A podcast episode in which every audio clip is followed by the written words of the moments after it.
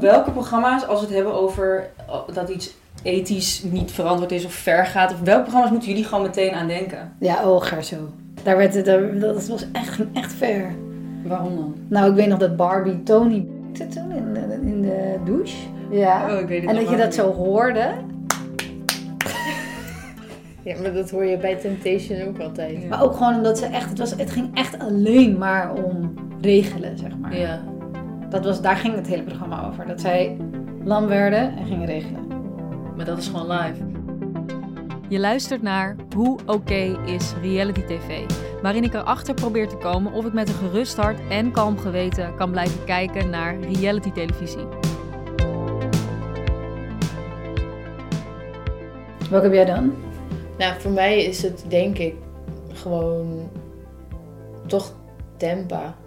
Ja, ja want daar, omdat dat ook, zeg maar, dat is misschien een beetje wat jij ook met O Gerso hebt. Dat is, ze gaan allemaal zuipen en dan v- vervagen grenzen. En dan worden er ook, en, en, en dat het is opgezet als dat er verleiders zijn die mensen dan moeten gaan overhalen om seks te hebben. Dat, dat vind ik al een soort van ethische grens die je dan overgaat. Hoe oké is reality tv? In de vorige afleveringen heb ik geprobeerd een antwoord te vinden op die vraag door met deelnemers en makers te praten. Maar in mijn achterhoofd dacht ik constant: waarom kijk ik nou eigenlijk reality? Het is tijd om in de spiegel te kijken, om het licht te laten schijnen op de kijker. Wat is de aantrekkingskracht van reality tv? En wil ik uiteindelijk echt blijven kijken? In deze laatste aflevering onderzoek ik het aan de hand van misschien wel het meest besproken en meest bekritiseerde programma op de Nederlandse televisie. Temptation Island. Temptation Island. Temptation. Ja, Tempa natuurlijk. Ja. Zeg je dat zo? Temptation Island. Ieder gesprek over reality lijkt uiteindelijk altijd uit te komen op dit programma. Volgens sommigen moreel verwerpelijk, volgens anderen geweldig en volgens weer anderen beide. Zoals je net al een van mijn vrienden hoorde zeggen, alleen al het format van Temptation gaat volgens haar een ethische grens over. Als je nu nog steeds luistert, ben je wel echt geïnteresseerd in reality. En dan weet je ook echt wel wat Temptation Island is. Maar goed, omdat mijn ouders dit natuurlijk ook gaan luisteren. En ik wel wil dat zij ook een beetje bij het verhaal blijven. Een uitleg. Goedemiddag, ik ben eh, Kenzo, 27 jaar, eh, kom uit Utrecht en ehm, sommige mensen kennen mij van Temptation Island. Nou, ehm, voor de mensen die het niet weten, Temptation Island is een programma waar je aan meedoet als je heel erg verliefd wil worden, op zoek bent naar een nieuwe liefde als single, of wil dat je ja, relatie die op een zijdendraadje leeft, eh, ja, misschien een nieuwe kans krijgt of stopt. Ik denk dat, je het zo het beste kan beschrijven. ja. Ja. Dus het format is eh, kijken of mensen vreemd gaan eigenlijk. Toch kijken of je relatie sterk is. ja, kijken of je relatie sterk genoeg is om eh, dat te weerstaan. Of om te kijken eh, ja, of je een, ja, bij iemand anders kan vinden wat je bij je partner mist, denk ik. Straks hoor je waarom ik heb gesproken met Kenzo, maar eerst nog even meer over Temptation Island. In dit enorm populaire programma, waar ondertussen 17 seizoenen van zijn gemaakt, testen mensen dus hun relatie. En ze doen dat door gescheiden van elkaar in een villa in een tropisch land te gaan zitten, samen met een groep dorstige, afgetrainde vrijgezellen, genaamd verleiders, en heel veel drank. Om de paar dagen krijgen de koppels beelden van elkaar te zien. Dus ze zien wat die ander allemaal uitvreet in de andere villa. En dit zijn de zogenoemde kampvuurbeelden. En ik wil heel graag daar iets van laten horen, want die kampvuren zorgen echt voor legendarische tv. Maar helaas moet ik daarvoor toestemming hebben van de producent van het programma. En van hen mag ik er niks van laten horen. Dus dan maar even een omschrijving van een gemiddelde temptation situatie, zodat degenen die het niet kijken een wat duidelijker beeld krijgen. Een willekeurig voorbeeld. De deelname van het Vlaamse koppel Meghan en Kevin. Een paar jaar geleden deed dit stel samen mee aan het programma en zij zaten dus apart van elkaar in een mooie villa in Thailand. En daar krijgen ze zo nu en dan kampvuurbeelden van elkaar voorgeschoteld. Zo ziet Meghan na een paar dagen beelden waarop haar vriend over haar zegt: Het kaas loopt uit de oren. Zij is rond. Zij is koekeroend. Kevin zei over haar dat ze het kaas uit haar oren had lopen, dat ze koekeroend was. Hij zei dat ze dom was. Maar op zijn beurt kreeg Kevin ook beelden te zien van wat Meghan allemaal deed in haar villa. En wat zij deed was naar bed gaan met verleider Joshua, een vrijgezel die bij haar in het huis zat. Goed, je raadt het al, het liep niet zo lekker af voor dit koppel. En zoals ik al zei, dit is een vrij gemiddelde temptation situatie. Mensen gaan daar los, zien beelden van elkaar die ze niet willen zien en krijgen relationele problemen. Het is ondertussen dan ook een haast onvoldongen feit dat weinig relaties het Temptation Eiland ongeschonden verlaten. En dat is niet gek, want het programma draait dus eigenlijk volle bak om vreemd gaan. Of draaide, maar daar kom ik later op terug.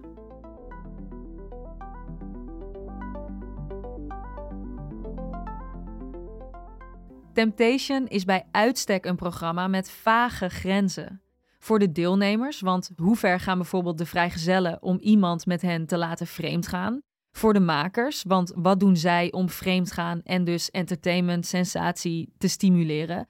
Maar ook voor mij als kijker gaat het over grenzen. Want wil ik wel kijken naar hoe anderen seks hebben en naar hoe mensen heel erg gekwetst worden?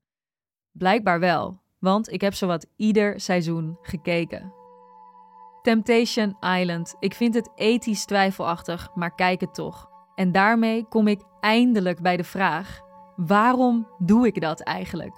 Waarom kijk ik dit soort reality? Wat maakt dit soort televisie nou zo verslavend dat ik zelfs ondanks morele twijfels blijf kijken? Oh, sorry. Ja, dat zijn die Van Mo fietsen. Wat, wat vinden jullie er leuk aan? aan reality?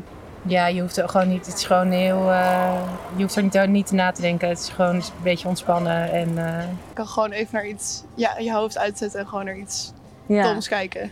Wat vind je er leuk aan? Ja, de, de, reality zelf niet, maar om het met vrienden te kijken is wel lachen. Bijvoorbeeld first dates. Om dan ja, gewoon te zien hoe dat gaat. Ik kijk geen televisie.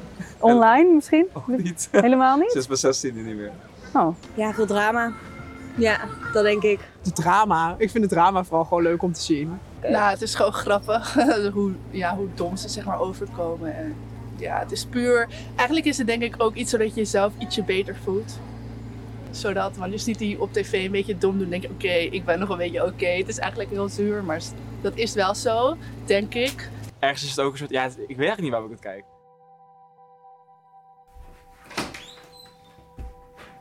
Hallo? Hi. Hi schat. Hallo. Een groot gedeelte van de programma's op tv valt onder reality. Er is dus blijkbaar publiek voor. Maar waarom kijken we? Mensen op straat noemden verschillende redenen, zoals je hoorde. Genieten van drama, lekker ontspannen of een beetje lachen om andere mensen. Het klinkt voor mij allemaal nog wat oppervlakkig. Ik hoop dat er iets meer achter zit. En om erachter te komen of dat zo is, heb ik twee oude studievrienden uitgenodigd, Suzanne en Corinne. Twee van de grootste reality fans die ik ken. Willen jullie eerst zeggen wat jullie nu aan het kijken zijn? Ik kijk op dit moment Merit at First Sight. Ik ook. En Love is Blind. En The Bachelor. En The Bachelor. En jij, Nicky? Je hoorde deze twee trouwens net ook al even, helemaal in het begin, toen ik hen vroeg welke programma's zij nou ethisch onverantwoord vinden. Zij antwoordden OO Gerso en Temptation Island. Maar wacht even, want wat ik trouwens nog zat te denken, wat, ik dus, wat ik dus sneaky ver vind gaan. Want zeg maar zo'n tempa, daar is het eigenlijk een soort van klaar, dit is gewoon, je kijkt het dat er seks, weet je wel, zeg maar zo. Maar bij zo'n Married at First Sight worden ze gewoon gedwongen om de eerste nacht eigenlijk bij elkaar in bed te liggen. je kan wel los van elkaar liggen, maar dat ga je niet doen. Dan en, dan, die en dat is psychische druk, zeg maar. En die vind ik ook best wel heftig hoor. Dat je ook best wel vaak emotioneel grensoverschrijdend gedrag eigenlijk in die zin mm. hebt. En bijvoorbeeld ook in die laatste, in dit seizoen, is, zijn ook de experts dan niet blij dat die Joep en Caroline nog niet handtastelijk genoeg zijn de eerste dag. Dat ik denk, wat de fuck, je kent diegene echt een minuut. Laat. Hoezo moet je, moet je diegene meteen gaan aanraken?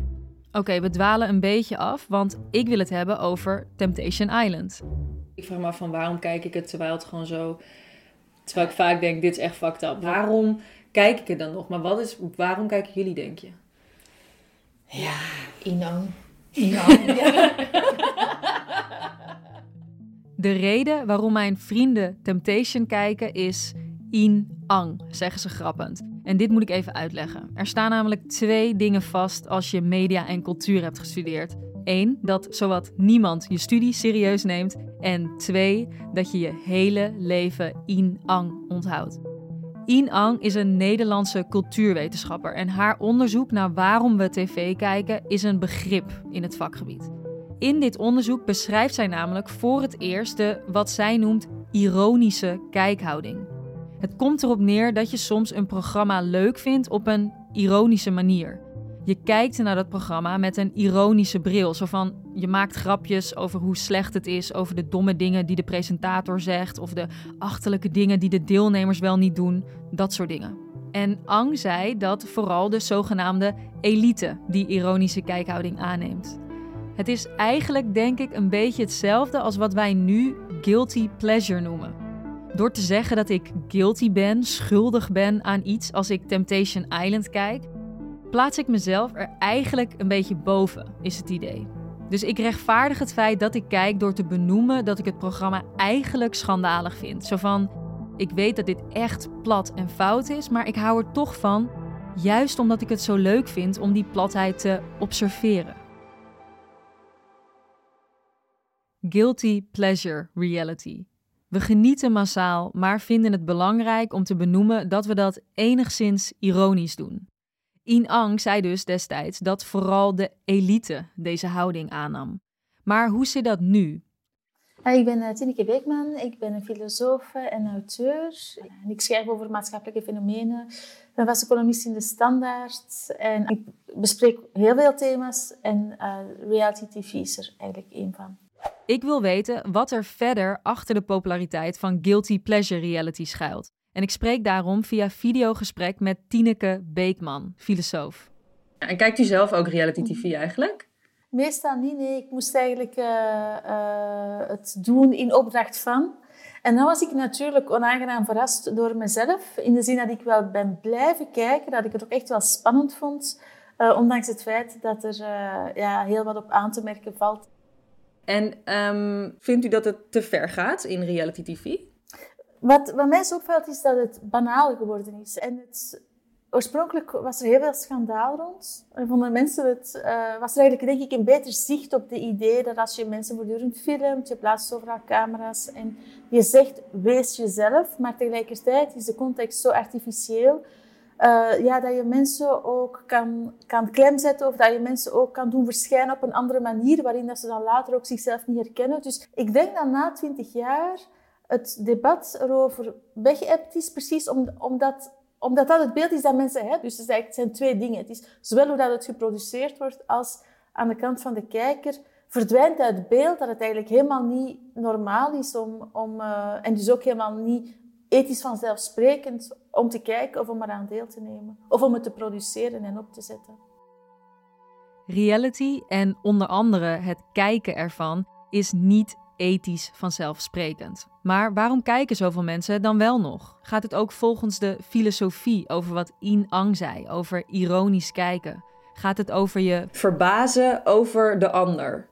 Ja, ik denk het wel. En dan merk je ook aan wie er mag deelnemen. Hè. Dus uh, in de, bij de opkomst van de televisie was het oorspronkelijk helemaal niet zo'n democratisch medium. Dat wil zeggen dat wie, aan, wie in die programma's verscheen, waren meestal mensen die uh, opgeleid waren, die een heel keurige taal hadden, die op een heel keurige manier bepaalde programma's of bepaalde thema's konden aankaarten. Politici, het Koningshuis. En dan zie je naar de jaren 80, 90 toe, ook door commerciële televisie, ja, het verlangen van toch wel een diverser publiek op de televisie een, een plaats te geven.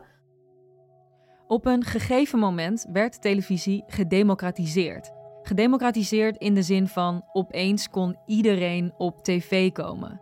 En reality is daar de meest zichtbare uitkomst van. Reality TV geeft allerlei mensen een podium. En het klinkt dan alsof het een soort van sociaal gelijk medium is. Maar dat is niet zo, zegt Tineke.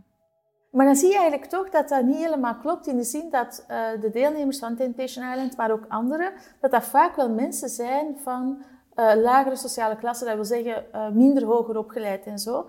En dat tegelijkertijd bij de kijkers er heel veel wel hoger opgeleiden zitten. En dus dat is ook uh, wat bepaalde onderzoekers ook hebben benadrukt, dat ja, er ook een soort minachting voor de lagere klasse ook ingeslopen is. Hè. Dus zie eens hoe die zich gedragen. Of dat, dat, dat, dat, is in Frankrijk, dat is in, in Vlaanderen, dat zal in Nederland denk ik ook zo zijn. Het viel mij op dat uh, een vrouw, die Provis Media uh, in Brussel, die zei toen Temptation Island begon, ja, ik ga kijken, want liefde en passie, dat interesseert mij. Maar natuurlijk wordt daar een anti-romantische visie gegeven. Dat gaat helemaal niet over liefde en passie. Dat gaat over mensen die een verbindenis hebben, proberen ontrouw te doen zijn door verleiders en verleidsters die, die zich onwaarachtig gedragen, die zich helemaal anders voordoen, precies om iemand over de schreef te doen gaan.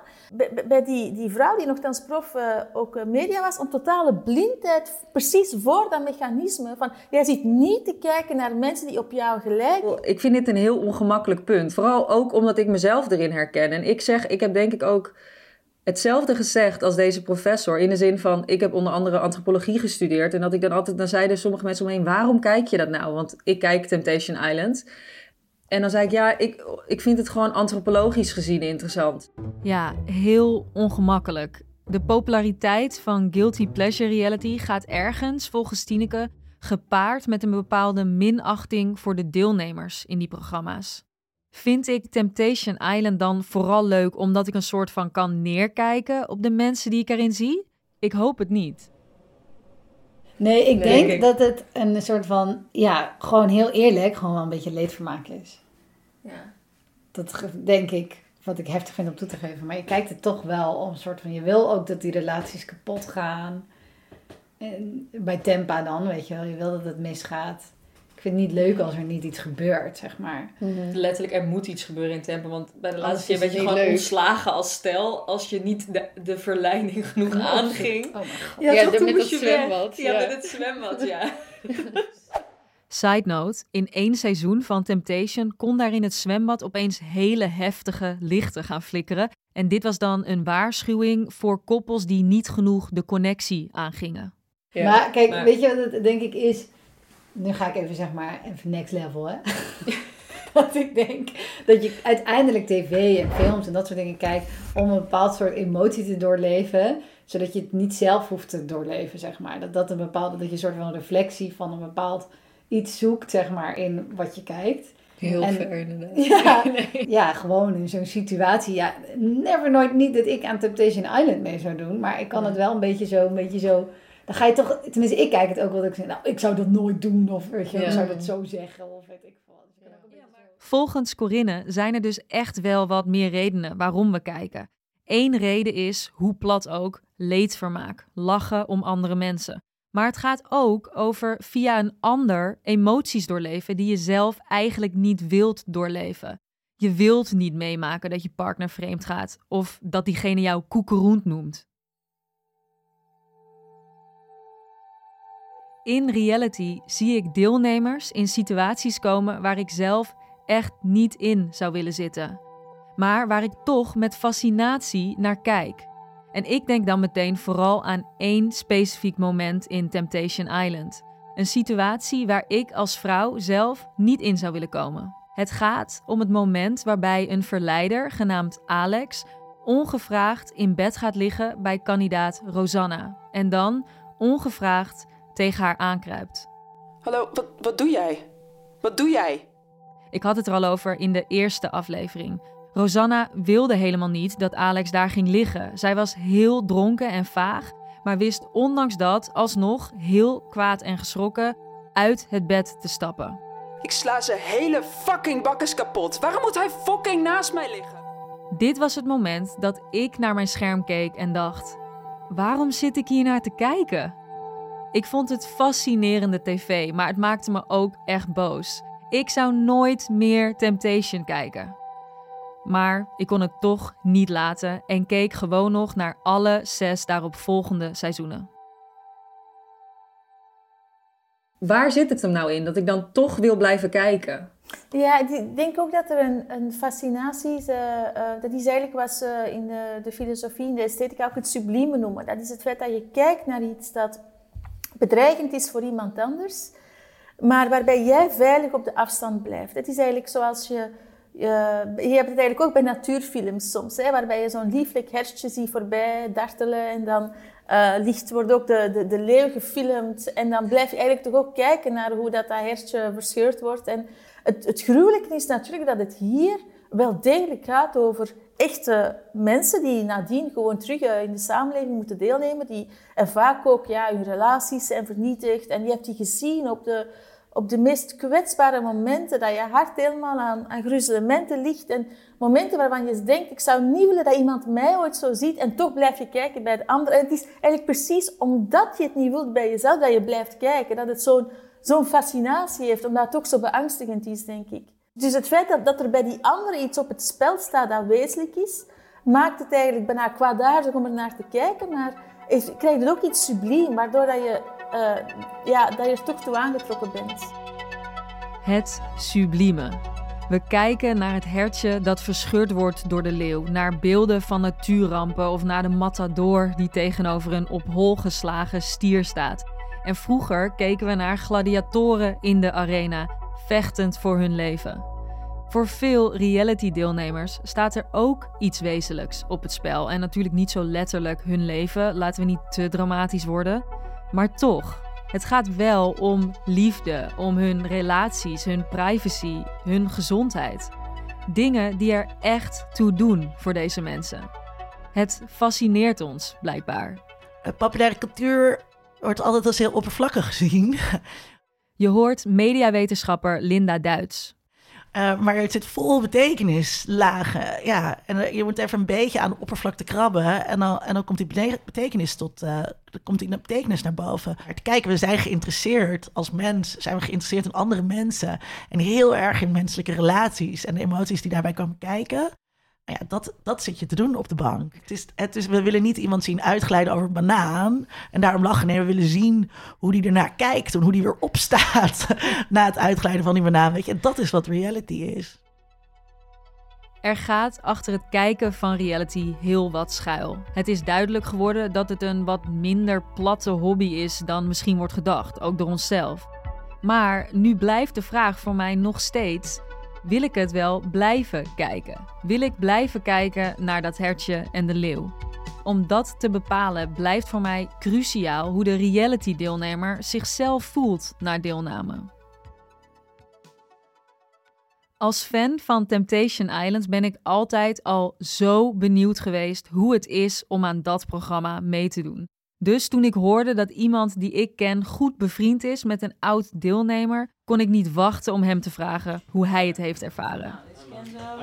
Kenzo. Lewis. Hi. Welkom. Het gaat over Kenzo. Je hoorde hem net ook al even uitleggen wat Temptation precies is. Kenzo deed mee aan het programma in 2022 en hij deed mee als vrijgezel. Dat betekent dat hij kon proberen om de vrouwen die in een relatie zaten te verleiden. Hij bleef er tot het einde in en was vrij prominent aanwezig omdat hij favoriet was van een van de bezette vrouwen. En dat vond de vriend van deze vrouw niet zo leuk. Mag ik zeggen hoe die je noemde? Of wil je zelf zeggen, zeggen hoe die je noemde? Ja, je mag zeggen hoe hij mij noemde. Ja, hij noemde je mini Aquaman. Oh. en uh, hoe vond je dat toen je dat terugzag? Dat dan iedereen in Nederland uh, ziet hoe een, um, een enorme gast, echt een kast van een man, jou de hele tijd mini Aquaman noemt. Ik heb zo hard gelachen met mijn vrienden. Waar ging een stuk? Even voor je beeld. Kenzo heeft lang haar, piercings in de neus, indringende ogen. Hij heeft inderdaad iets weg van Aquaman. Een van de redenen waarom ik me een beetje ongemakkelijk voel bij dit soort reality, zoals bijvoorbeeld Temptation Island, maar zoals ook andere reality-programma's die best wel, denk de grenzen opzoeken, Mhm. is omdat ik me dan een beetje zo van, een beetje gek voel tegenover die deelnemers, toch? Dus dat ik zeg maar goed ga op het drama in hun leven. Voel je je schuldig dan? Een klein beetje. Ja, een beetje. Plaatsvervangende schuld. Ja, precies. En dan denk ik ook van, want soms denk ik, dingen gaan ver in die programma's tegenover die deelnemers. Vind jij, hoe zie jij dat? Ik denk, ik denk dat dat voor iedereen ehm, sowieso anders is. Ik denk dat iedereen het ook anders ervaart. Ja, ik heb de tijd van mijn leven gehad. Ik bedoel, we hadden hier, in Nederland hadden we de lockdown. Ik zat daar in de Dominicaanse Republiek, 35 graden, zwembad. eh, mooie vrouwen. ik heb niks te klagen. Ja. Het is echt een unieke ervaring wat je niet in het normale leven gaat meemaken. Je zit daar op een eiland, volledig in een bubbel. Je kent niemand eigenlijk. Eh, je hebt geen telefoon, je hebt geen laptop, je hebt geen televisie. Je hebt eigenlijk niks ehm, wat je normaal gesproken bij je hebt om je kunnen af te leiden. Het enige wat je afleiding geeft is eh, de mensen daar die daar zijn. Kijk, als koppel word je wel veel meer getriggerd natuurlijk. Want je zit, je, je wordt uit elkaar gehaald. ehm, je krijgt de hele tijd beelden te zien die verdraaid kunnen worden. Dat is algemeen bekend. Vind jij dan voor die stellen, zeg maar, onverantwoord? De, som, zeg maar de situatie waarin ze worden geplaatst? Nee, absoluut niet. Want je weet waar je in geplaatst gaat worden. Dus ehm, ja, je weet waar je jezelf voor opgeeft. Je weet waar je aan meedoet. Sommige mensen die hadden het eh, ehm, zwaarder dan de ander. Er waren wel mensen die het zwaar vonden. of- Ja, ja, ze is Ja. een heleboel, ja. Ja? Ja. En om welke reden dan? Je hebt daar met zoveel dingen heb je te kampen. Je hebt weinig slaap, je bent brak. Eh, je- bent daar met onbekende mensen. Je hebt, eh, je hebt geen contact met de buitenwereld. Eh, als je ziek, zwak of misselijk bent, moet je ook door. Het zijn allemaal prikkels waar je mee om moet kunnen gaan. Snap je? Al die... En alles met camera's. ah, ja, snap je? Al die dingen bij elkaar opgeteld gaan ervoor zorgen dat je op een gegeven moment een halve mental breakdown gaat krijgen. Je kan een halve mental breakdown krijgen. Meedoen aan reality is intens. Het is niet voor iedereen, zegt Kenzo. Maar ik kan het echt wel met een gerust hart kijken, want ook volgens hem is het de eigen verantwoordelijkheid van de deelnemers. Zij moeten ervoor zorgen dat ze weten waar ze aan beginnen. Zijn ervaring met Temptation is positief. En dit zou kunnen zijn omdat hij meedeed als vrijgezel natuurlijk en niet met een partner die eventueel kon vreemd gaan. Maar ook kan het liggen aan de tijd waarin hij meedeed. Het was 2022. En Temptation in 2022 is een heel ander programma dan Temptation in bijvoorbeeld 2019. Het ging er al vaak over. In 2019 zette RTL-baas Peter van der Vorst alle guilty pleasure reality stop. Naar aanleiding van het seksueel grensoverschrijdende gedrag in het programma De Villa.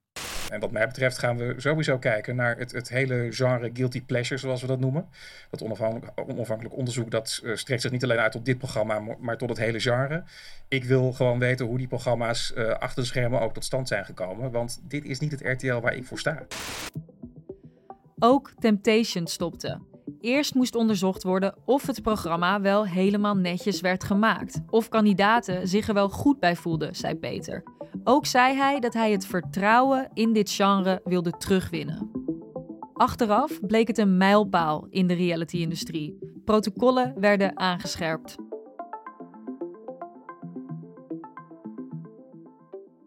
Een paar maanden na de stopzetting wordt het al opgenomen twaalfde seizoen toch uitgezonden. En een jaar daarna keert Temptation Island officieel terug in een nieuw, ethischer jasje.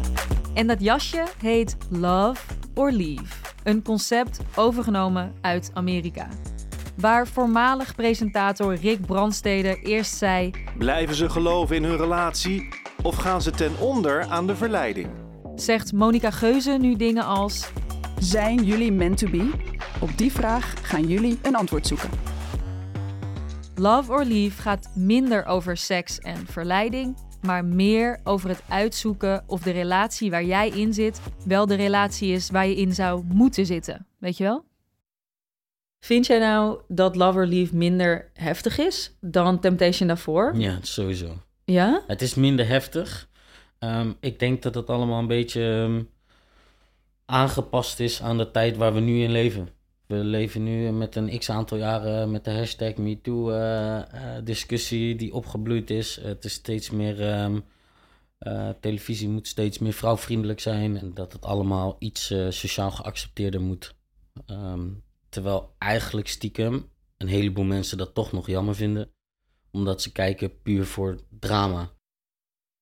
Het is niet voor niets dat ik het vooral over Temptation wil hebben, deze laatste aflevering. Ik vind de rebranding of reframing van het programma interessant. Want zoals ik al eerder zei, als het gaat over reality en morele grenzen, dan gaat het altijd over Temptation Island. Dus als dit programma verandert, als hier de touwtjes worden aangetrokken, dan zegt dat denk ik veel over reality in het algemeen. Wordt het allemaal wat ethischer? Volgens Kenzo is dat wel degelijk het geval. Wordt reality TV echt wat netter? Is het allemaal wat meer oké nu? Ik, als kijker, weet het niet. Ik vind het uitgangspunt van Temptation Island wel wat minder plat, maar ben ook sceptisch. Hoezo zou een format als dit opeens netjes gemaakt kunnen worden? Ik ben niet de enige kijker die dat zo voelt. Ik vroeg het namelijk aan wat mensen om mij heen. Ik vroeg hen wat zij denken van Love or Leave. Hun antwoorden? Love or Leave is een façade. Of Love or Leave wordt gewoon gebruikt als dekmantel om dezelfde funzige praktijken te laten plaatsvinden. Ook kreeg ik dit antwoord van Suzanne, de vriendin die je al eerder hoorde, en haar vriend Simon. Ja, ik vind dat ook een beetje een ongeloofwaardig insteek dat wij moeten geloven dat er twintig singles op zoek zijn naar liefde en die dan daarom om vier bezette mensen gaan uh, battelen in een programma. Het, het wordt nu gewoon in een sausje gegooid dat het wel ethisch is, maar ze hebben nog steeds hetzelfde doel.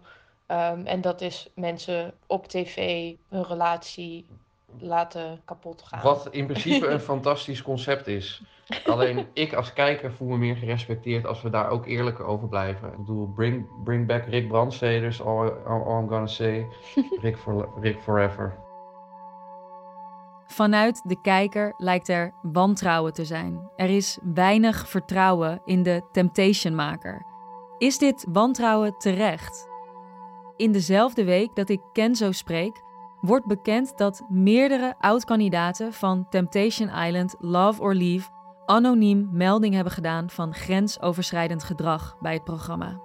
Wat er precies is gebeurd is niet duidelijk, maar Shownieuws, die er onderzoek naar deed, bericht in september 2022 dat deze specifieke deelnemers zich onder andere gemanipuleerd hebben gevoeld. Ze voelden zich bijvoorbeeld onder druk gezet om bepaalde dingen voor de camera te zeggen en om alcohol te drinken. Eén kandidaat noemt het een traumatische ervaring en een ander zegt: Ik hoop dat de manier waarop ze mensen behandelen en kapot maken stopt. Ik heb mij heel erg onveilig gevoeld en voelde mij bedreigd. De producent van het programma reageerde uitgebreid. Zij laat onder andere weten positief te zijn dat er in ieder geval melding is gedaan en dat zij van mening zijn dat ongewenst gedrag nooit onbesproken en onbestreden moet blijven.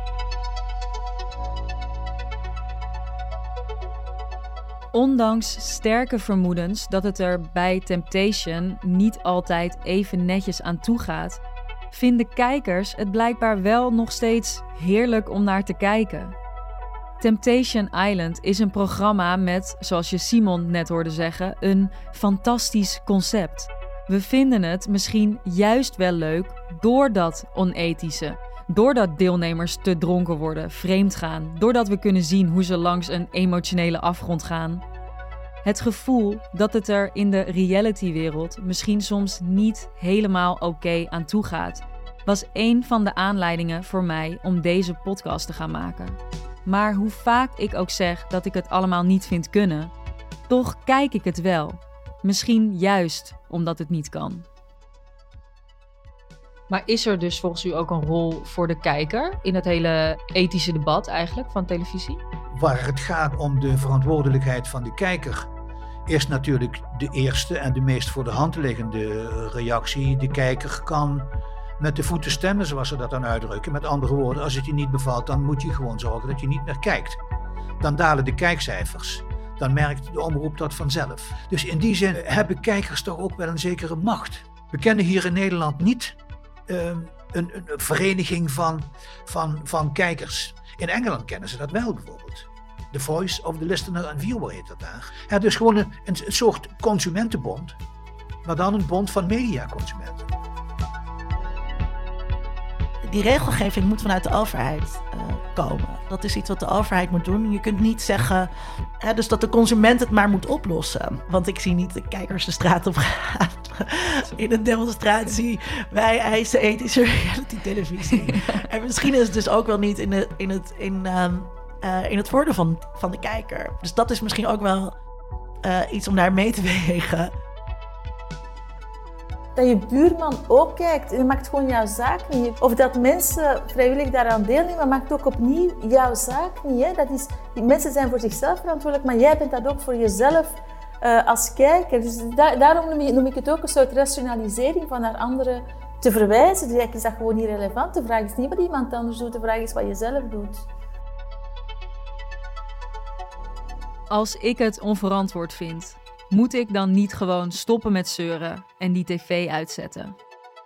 Of valt het überhaupt allemaal wel mee en kan ik gewoon met een gerust hart en kalm geweten reality blijven kijken? Of het met een gerust hart kan, ligt voor mij aan hoe het eraan toe gaat in de realitywereld. En dat weet ik nog steeds niet helemaal. Het bleek iets waar veel oud-deelnemers liever niet meer over wilden praten en waar veel makers toch ook voor de zekerheid maar niks over zeiden. Maar degene die ik wel sprak, waren het over één ding eens. Iedereen heeft een verantwoordelijkheid. Dus wat is die van mij? Kan ik in ieder geval genieten met een kalm geweten? Als zevenjarig meisje ontdekte ik hoe leuk het is om via je tv in het leven van andere mensen te kijken. Maar wat is verantwoord voor een leuke hobby? Wanneer is het wel en niet moreel verantwoord om te kijken naar mensen die in ruil voor geld of bekendheid voor fysieke en psychische uitdagingen worden gesteld onder het oog van een draaiende camera? Mijn eigen vraag roept ondertussen weerstand bij me op. Waarom heb ik eigenlijk last van mijn geweten? Is het dan deels mijn schuld als iets te ver gaat? Het doet me denken aan het klimaat, daar voel ik me ook slecht over. En ik eet geen vlees, draag mijn steentje bij, maar hoeveel kan ik daarmee uiteindelijk veranderen? In hoeverre is het aan mij? Dus, als er een taart wordt gebakken, als Robert en Brink geliefden samenbrengt of als barman Victor voor de zoveelste keer vraagt wat iemands type is, dan zep ik niet weg. Dit soort programma's maken me gewoon te blij. Maar wat als ik mensen op tv zie voor wie echt iets op het spel staat? Blijf ik dan ook kijken? Ja, zou jullie zelf mee willen doen? Nee, Of absoluut ooit niet. doen? Nee.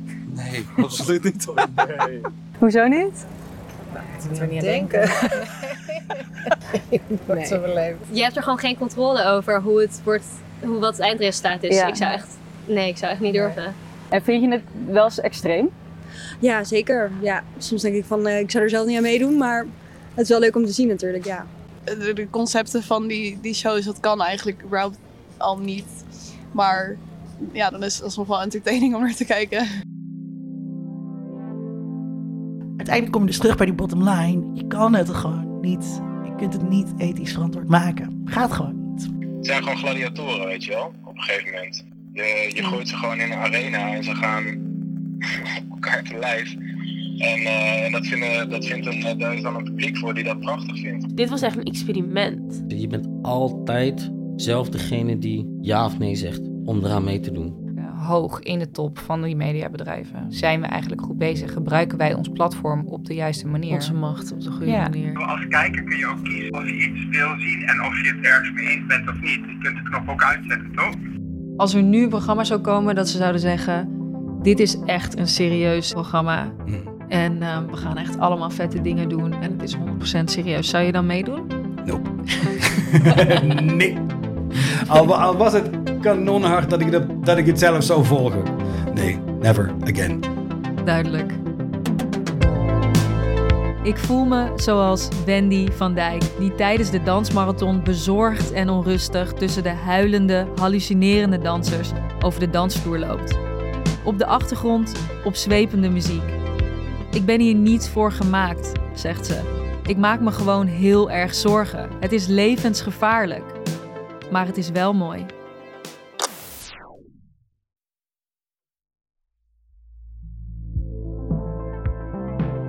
Hoe Oké is Reality TV werd gemaakt door mij, Nikki Koppes, en is een productie van Geuren en Kleuren Media. Deze podcast kon echt niet gemaakt worden zonder de technische en mentale ondersteuning van Louis Levy, die ook nog eens de mixage deed. En ik bedank Tom Veldman voor de geweldige muziek en Corinne Zwarter en Ruby Kren voor hun redactionele advies. En ik bedank ook acteurs Kevin Hassing en Nathalie Schuit voor hun stem. Als laatste bedank ik producenten Luc Rox en Tony Rodeburg-Boachi voor het vertrouwen. Vond je deze podcast leuk? Deel hem dan, als je zin hebt, met je vrienden of laat een goede beoordeling achter. Dan weten meer luisteraars ons te vinden. Dank je.